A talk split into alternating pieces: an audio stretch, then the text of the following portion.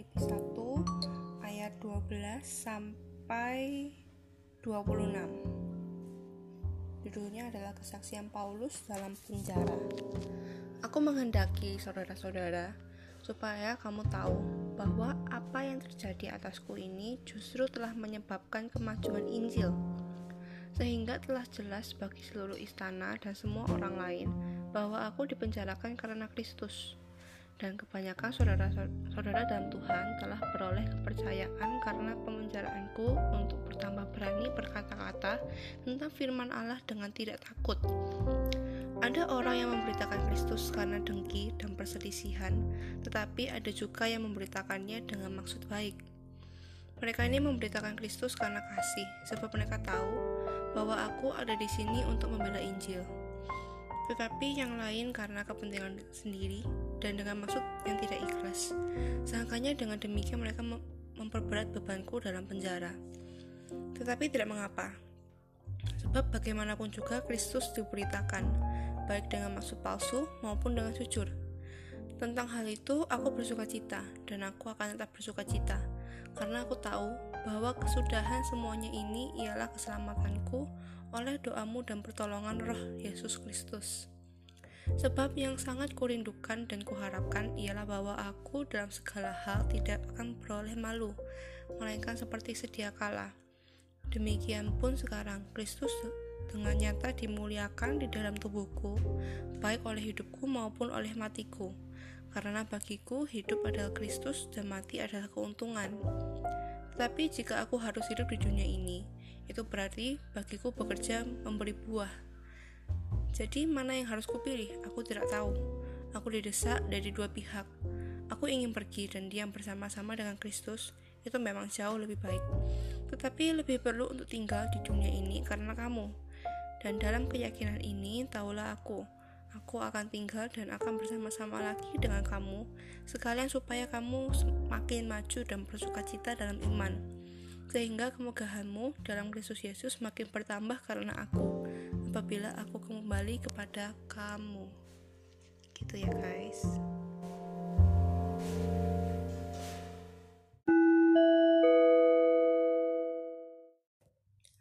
Oke dari ayat tadi yang bisa diambil ya hikmahnya. Yang pertama adalah kadang menjadi murid itu nggak gampang ya. Um, ya kita semua tahu ini ya. Aku hanya ingin mengingatkan ya kalau memang menjadi murid tuh banyak sekali rintangannya. Nggak cuman datang dari diri sendiri tapi dari luar kita juga. Ya kan? Um, jadi dunia ini memang susah ya menerima seorang Kristen yang mau hidup benar. Entah mereka anu ya nggak suka karena kita mungkin merasa lebih baik daripada mereka. Atau mungkin mereka juga merasa kalau um, ya pokoknya macam-macam sih alasannya ya. Pokoknya memang susah bagi seorang Kristen atau mungkin bagi agama apa pun ya yang ingin hidup benar. Karena dunia merasa bahwa nggak ada yang benar di dunia ini. Sebenarnya memang sih di dunia ini nggak ada yang sempurna nggak ada yang benar. Tapi ada kita yang berusaha untuk mau hidup serupa dengan Yesus ya kan? Dan kalau memang itulah tantangannya yaitu ditolak oleh dunia dan nggak apa-apa. Semua Kristen telah mengalami itu bahkan Paulus sendiri. Dia hidup di zaman di mana Kristen tuh masih sedikit gitu loh kalau aku ngomongnya ya. Ya mungkin nggak sedikit ya. Tapi um, hukumannya itu jauh lebih berat daripada sekarang kan ya sampai di penjara gitu. Kalau zaman sekarang kan nggak ada tuh ya orang yang dipenjara karena agamanya. Ya mungkin di beberapa negara ada ya karena mungkin agak ekstremis ya. Tetapi um, di negara-negara maju lah paling nggak kayak Amerika Indonesia itu kan jarang tuh ya orang yang dipenjarakan karena agamanya. Tetapi zaman dulu memang lebih susah makanya Paulus ini dia dipenjara karena imannya. Ya kan? Tapi dia bilang nggak apa-apa. Asalkan kita bisa memberitakan Injil ya udah kita bersuka cita aja. Tujuan kita bukan untuk mendapatkan recognition apa ya? Mendapatkan um, perhatian dunia ya kan? Bukan apa ya tujuan kita tuh bukan untuk membuat kita terkenal gitu loh ya kan? Tapi tujuan kita adalah untuk membuat Tuhan dikenal. Tujuan kita adalah untuk memberitakan Injil.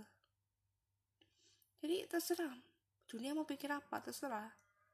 Mungkin memang itu akan mempersulit hidup kita mungkin itu akan menguji iman kita. Tapi asalkan kita tahu mana yang benar asalkan kita mau terus berjuang ya nggak apa-apa. Kita bersuka cita aja. Yang penting kita bisa memberitakan iman. Yang penting kita masih bisa berbicara. Kita masih bisa bersyukur. Kita masih bisa merasakan kasih Tuhan. Ya udah terserah dunia mau ngapain ya kan? Dan ketika kalian merasa lemah, akan selalu ada komunitas, orang teman, siapa pun itu yang mau membantu kamu. Karena kita di sini bersama-sama, kita nggak sendirian. Apalagi yang mungkin seumuran ya, remaja. Masih susah kan ya, terutama pergaulannya yang sangat berbeda. Pergaulannya yang kontras banget dengan gaya hidup kita. Pasti butuh dukungan dari teman-teman yang seiman karena kadang kayak pengen give up aja gitu kan ya tapi jangan karena pasti kehidupannya bakal berbeda banget. Mungkin kelihatannya oke okay lah ya karena pergaulannya yang sama. Kita bisa punya banyak temen kita bisa hang out kapan pun ya kan? Kita nggak perlu worry apakah ini dosa atau enggak memang katanya lebih gampang tapi itulah yang iblis ingin kalian lihat. Kalau misalnya kalian hidup begitu ya hidup kalian bakal lebih miserable gitu loh karena kalian nggak bisa merasakan kasih Tuhan. Kalian nggak bisa merasakan kalau Tuhan tuh sayang banget sama kalian dan um, ya pokoknya berbeda banget lah. Kalau aku jelasin perbedaannya gimana pasti susah. Jadi begitu ya. Kemudian yang kedua um, ini ya pilihan. Kita memang punya dua pilihan ya tapi pilihan yang aku maksud adalah bukan pilihan untuk Tuhan atau dunia ya. Tapi pilihan untuk ini Paulus tadi bilang dia 23 sampai 24 ya. Aku didesak dari dua pihak.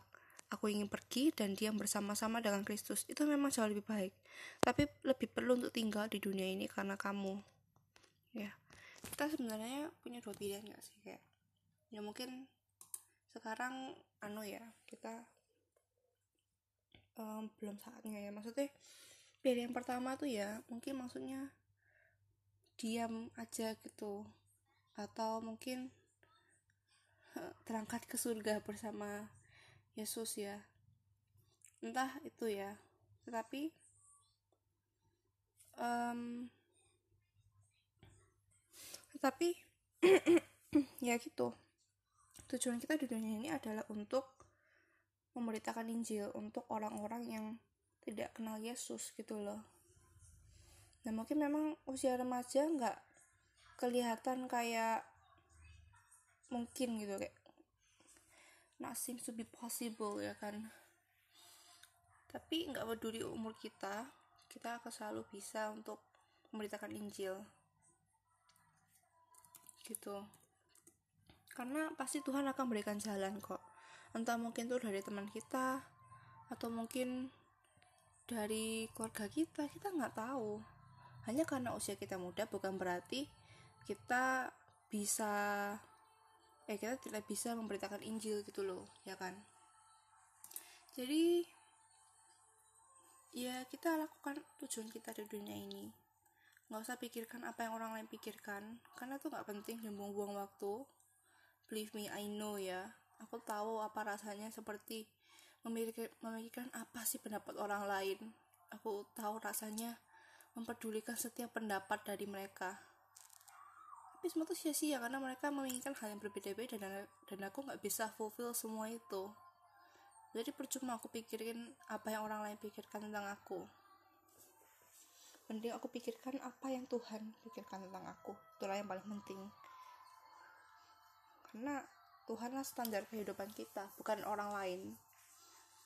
Dan ketika Tuhanlah standar kehidupan kita maka penting pendapat Tuhan tentang kita. Kalau pendapat Tuhan tentang kita oh Sania sudah bagus tapi kurang ini. Ya udah kita perbaiki di hal ini karena Tuhan tahu apa yang dia bicarakan. Nggak kayak manusia. Ya kan dan kehidupan mereka berbeda-beda. Gitu. Ya itu aja saat teduhku hari ini. Aku harap bisa membantu kalian semua. Thank you. Hai semuanya. Episode untuk hari ini sudah selesai ya. Jangan lupa untuk selalu keep track update terbaru kita ya.